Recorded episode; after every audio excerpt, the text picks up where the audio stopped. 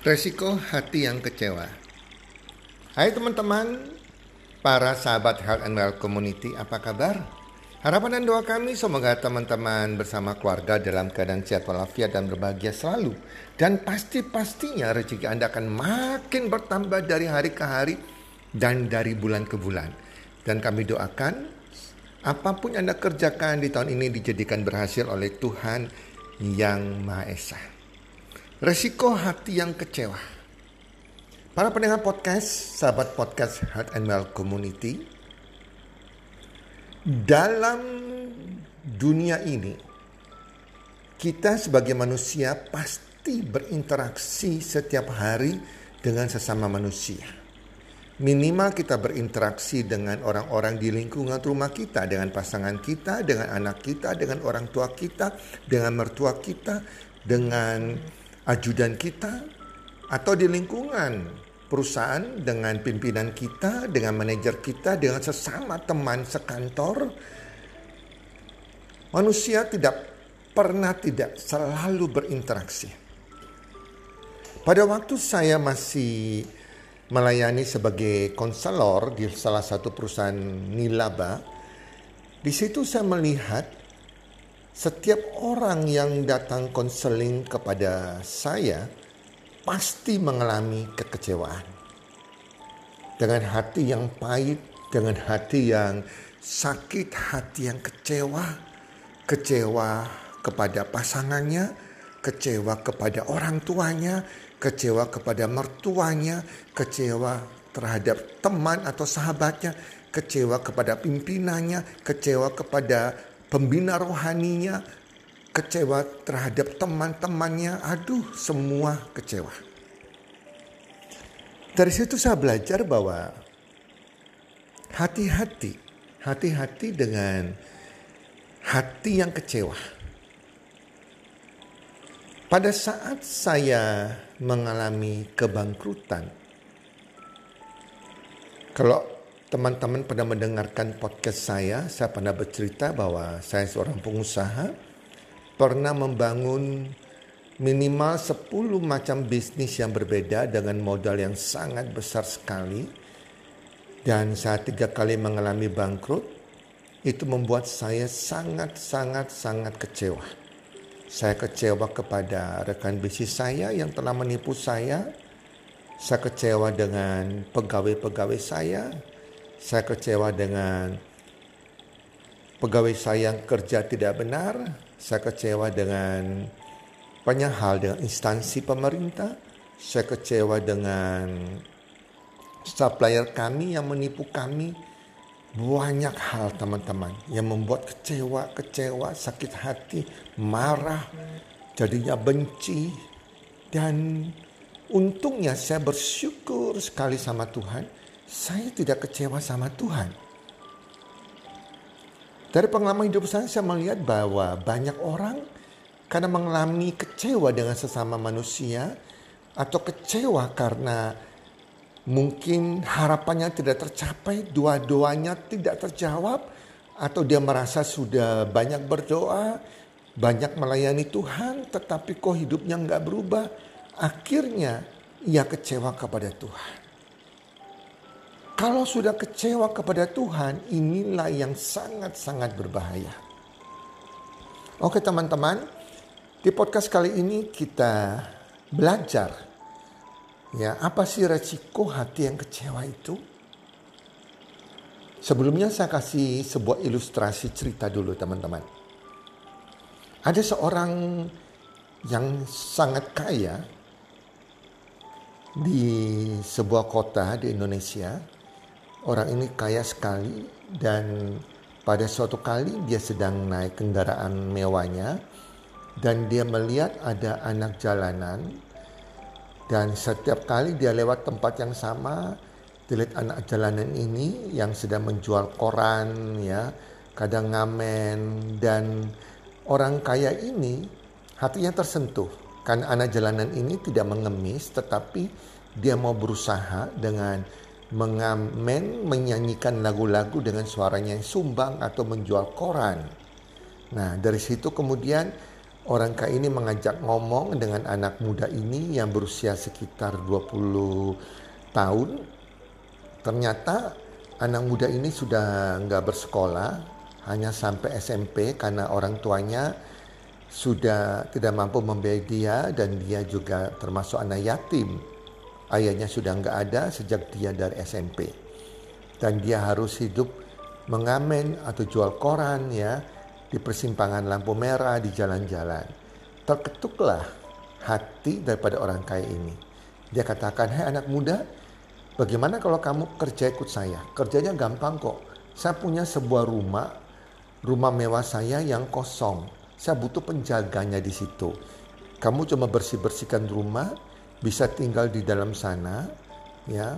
Nanti setiap hari saya kasih satu juta rupiah sebagai ongkos jaga kamu dan ongkos makan kamu. Gimana setuju tidak? Jelas anak muda ini bersyukur sekali dan dia excited, dia semangat dan dia langsung mengiyakan kepada seorang kaya, orang kaya yang murah hati ini. Dan mulailah dia bekerja menjaga rumah kosong yang sangat mewah pemilik orang kaya tersebut. Dan dia menjaga setiap hari orang kaya datang ke rumah tersebut atau supir yang datang memberikan uang satu juta.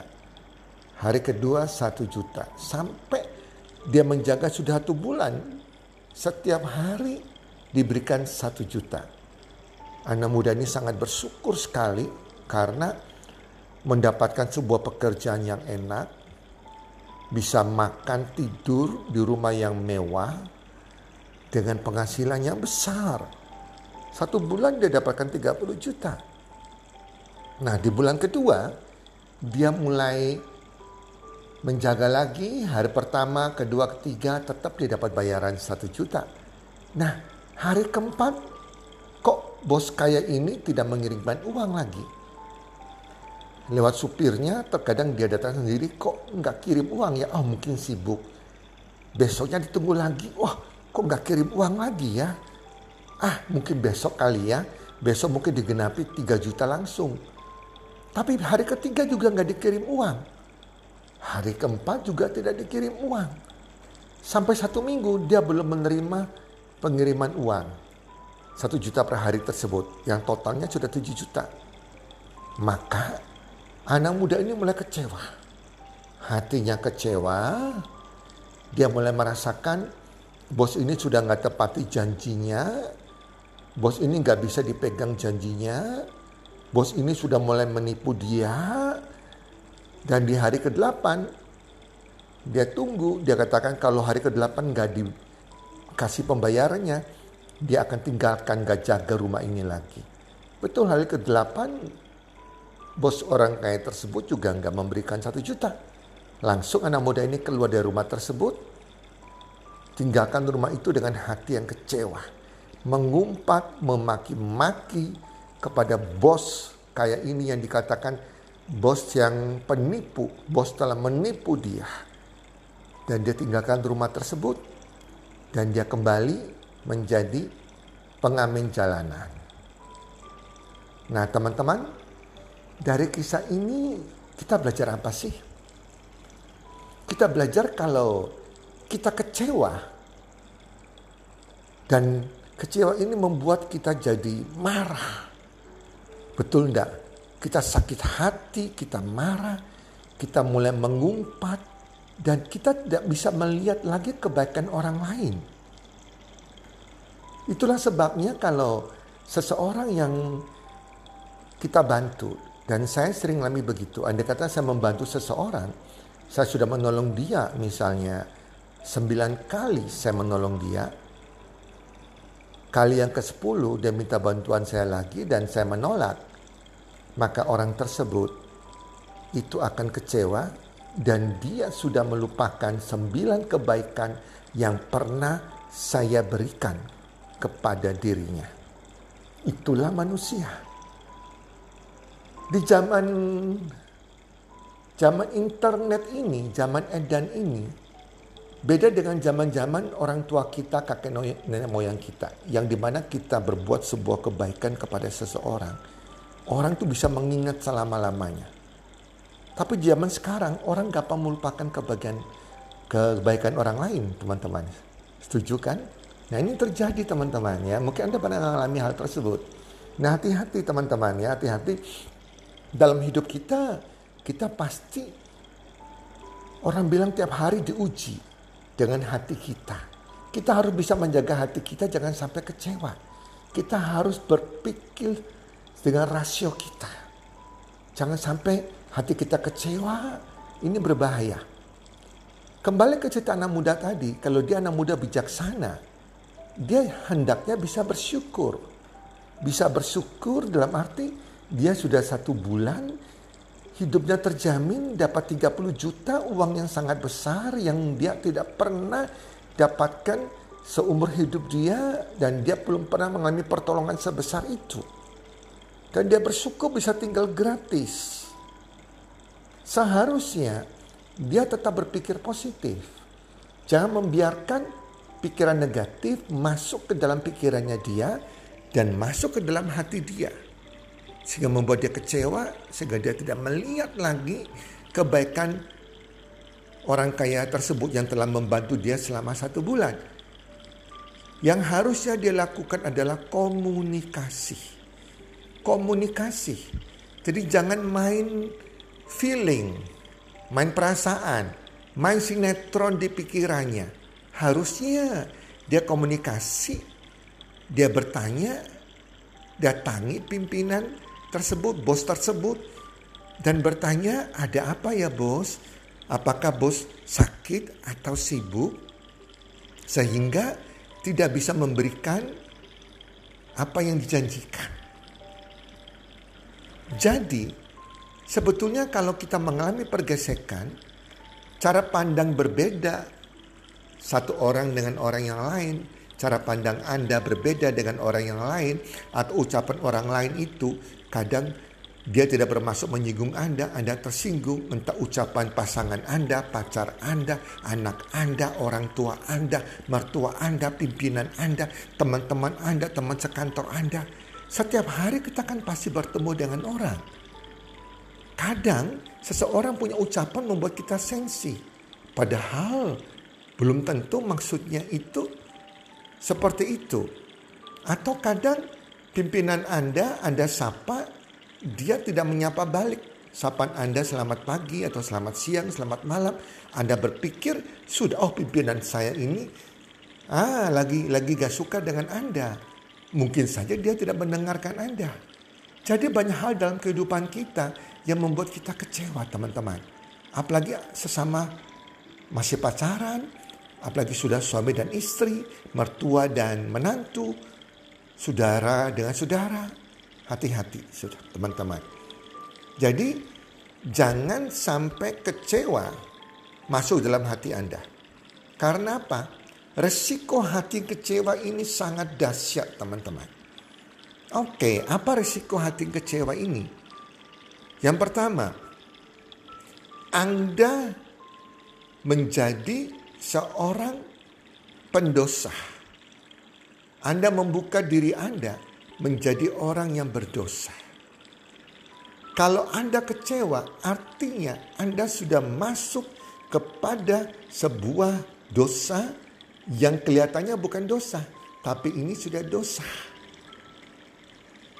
Dan ini tidak berkenan oleh Tuhan Yang Maha Esa. Anda hilang keselamatan Anda. Kok bisa begitu? Coach Tony jelas bisa. Orang yang kecewa adalah orang yang tidak bisa bersyukur. Orang yang tidak bisa ikhlas. Dalam hidup kita, kita harus bisa bersyukur setiap hari apa pun peristiwa yang kita hadapi. Dengan sesama manusia atau kejadian apa pun atau mungkin dua-dua kita belum dijawab, kita harus bisa bersyukur dan ikhlas. Itu kuncinya. Kalau Anda bisa ikhlas dengan peristiwa apa pun terjadi, walaupun doa-doa Anda belum dijawab oleh Tuhan, harapan Anda belum terpenuhi dikabulkan oleh Tuhan. Ingat, bersyukur dan ikhlas. Selalu ingat, everything happen is all for the good. Semua terjadi itu akan membawa kebaikan bagi kita yang bisa bersyukur dengan hati bersyukur. Hati yang bisa memaafkan orang lain. Kalau kita disakiti orang lain, sengaja maupun tidak sengaja, kita harus bisa memaafkan orang itu. Itu kuncinya yang di mana menyenangkan hati Tuhan. Kita akan jadi seorang pendosa kalau kita hati kita masuk kecewa. Dari sebuah kecewa akan masuk ke pintu kecewa berikutnya. Masuk pintu kecewa berikutnya. Kita akan membesarkan kecewa kecil ini makin hari makin besar dalam hati kita. Kalau kecewa kita makin hari makin bertumbuh makin besar. Karena kita tidak menghilangkan kecewa ini. Akhirnya jadi kepahitan. Kepahitan bertumbuh lagi jadi kebencian kebencian jadi amarah. Kalau sudah jadi amarah, hati-hati teman-teman. Ini bisa membuat Anda jadi seorang pembunuh. Pembunuh artinya Anda bisa suatu waktu ramai dengan seseorang dan Anda bisa jadi emosi, saling pukul memukul dan Anda bisa membunuh secara fisik. Membunuh mati orang tersebut. Anda sudah menjadi pendosa. Seorang pembunuh seorang pendosa. Atau juga Anda membunuh bukan dengan memakai pisau atau secara fisik, tapi dengan ucapan Anda. Kadang kita nggak sadar dengan ucapan kita, kita memfitnah orang tersebut, kita menjelek-jelekan orang tersebut kepada siapa saja. Ya, Anda sudah menjadi seorang pembunuh. Dan itu tidak berkenan di hadapan Tuhan fitnah, gosipin orang, bully orang, itu sudah pembunuh. Atau juga bahkan Anda tidak membunuh orang lain, saking kecewa diri Anda, Anda membunuh diri Anda sendiri. Banyak sekali remaja putus cinta, ditinggal sama pacarnya, bunuh diri, betul tidak? Demikian juga istri ditinggal sama suami selingkuh, kecewa, bunuh diri. Seseorang yang dipecat oleh bosnya, dia malu dan gak punya harapan hidup lagi, dia bunuh diri. Banyak kasus bunuh diri semua karena kecewa. Karena kecewa. Bagaimana bisa selamat masuk ke surga? Orang bunuh diri udah pasti ke neraka teman-teman ya. Jadi itu, itu adalah resiko hati yang kecewa. Yang kedua, resiko hati kecewa, Anda sedang menyabotase potensi diri Anda. Anda membunuh potensi diri Anda. Kalau orang kecewa, maka di dalam pikiran bahwa sadar dia yang memiliki kekuatan potensi yang luar biasa, ya, itu menjadi negatif. Seharusnya pikiran bawah sadar kita harus positif, selalu positif. Sehingga kita menjadi orang yang positif. Memiliki potensi, bisa digali semua potensi diri kita. Tetapi kalau Anda sudah negatif, karena kecewa membuat pikiran Anda negatif terhadap seseorang, bahkan lebih dari seseorang, uh, banyak sekali negatifnya. Maka Anda sedang menyabotase potensi diri Anda. Bagaimana Anda bisa maju, Anda bisa upgrade diri Anda. Kalau pikiran Anda sudah negatif teman-teman ya, hati-hati. Yang ketiga, resiko hati kecewa adalah Anda ditinggalkan keberhasilan. Keberhasilan jauh dari Anda. Atau Anda dijauhi oleh rezeki. Teman-teman, diri kita ini harus menjadi magnet rezeki. Magnet rezeki ada kaitannya dengan hati. Kalau hati kita hati yang positif, Hati yang berbahagia setiap hari. Hati yang tidak ada kepahitan, kebencian. Hati yang bisa bersyukur ikhlas. Maka kita bisa menarik rezeki ke diri kita. Maka pasti keberhasilan itu demi keberhasilan akan kita raih. Impian kita akan tercapai. Tetapi kalau hati kita ini penuh dendam, penuh sakit hati, penuh kebencian, penuh kepahitan. Jelas rezeki akan menjauh dari kita. Anda akan menarik hal-hal negatif kepada diri Anda. Nah itu teman-teman, resiko sebuah hati yang kecewa. So, teman-teman, ayo bersihkan hati kita. Karena di hati itu terpancar kehidupan Anda. Anda sukses atau gagal dari hati Anda.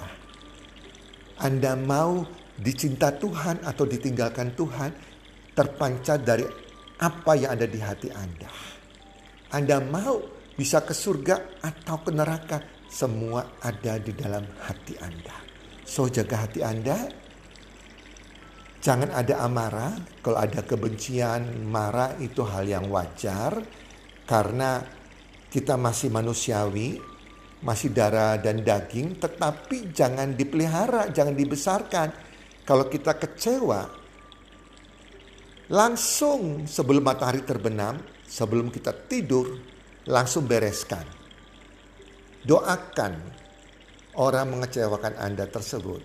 Doakan dia dan Anda memberkati dia sehingga Anda satu malam, malam satu hari lewat malam hari Anda tidur dengan nyenyak tanpa membawa dosa, tanpa membesarkan hati kecewa Anda.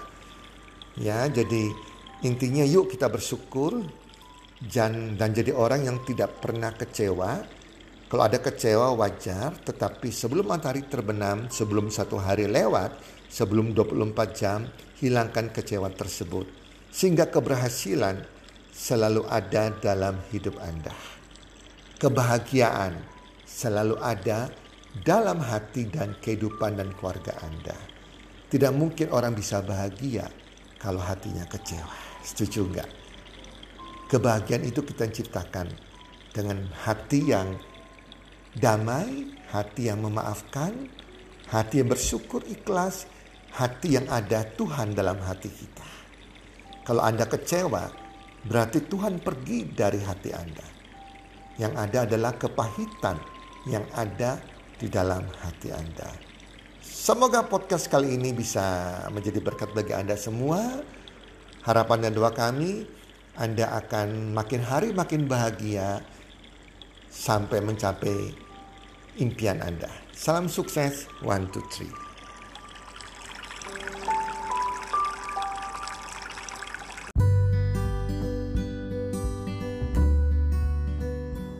Terima kasih sudah mendengarkan podcast kami. Teman, jika Anda rasa bermanfaat podcast kami ini, Anda bisa menginfokan kepada rekan kerja Anda, keluarga Anda, teman ataupun sahabat Anda dan jika ada hal-hal yang Anda ingin tanyakan kepada kami ataupun topik-topik apa yang Anda ingin kami bawakan, kami sampaikan, Anda bisa DM kami di Instagram kami healthcommunity.id. Salam one two three, salam sehat, sejahtera dan bahagia.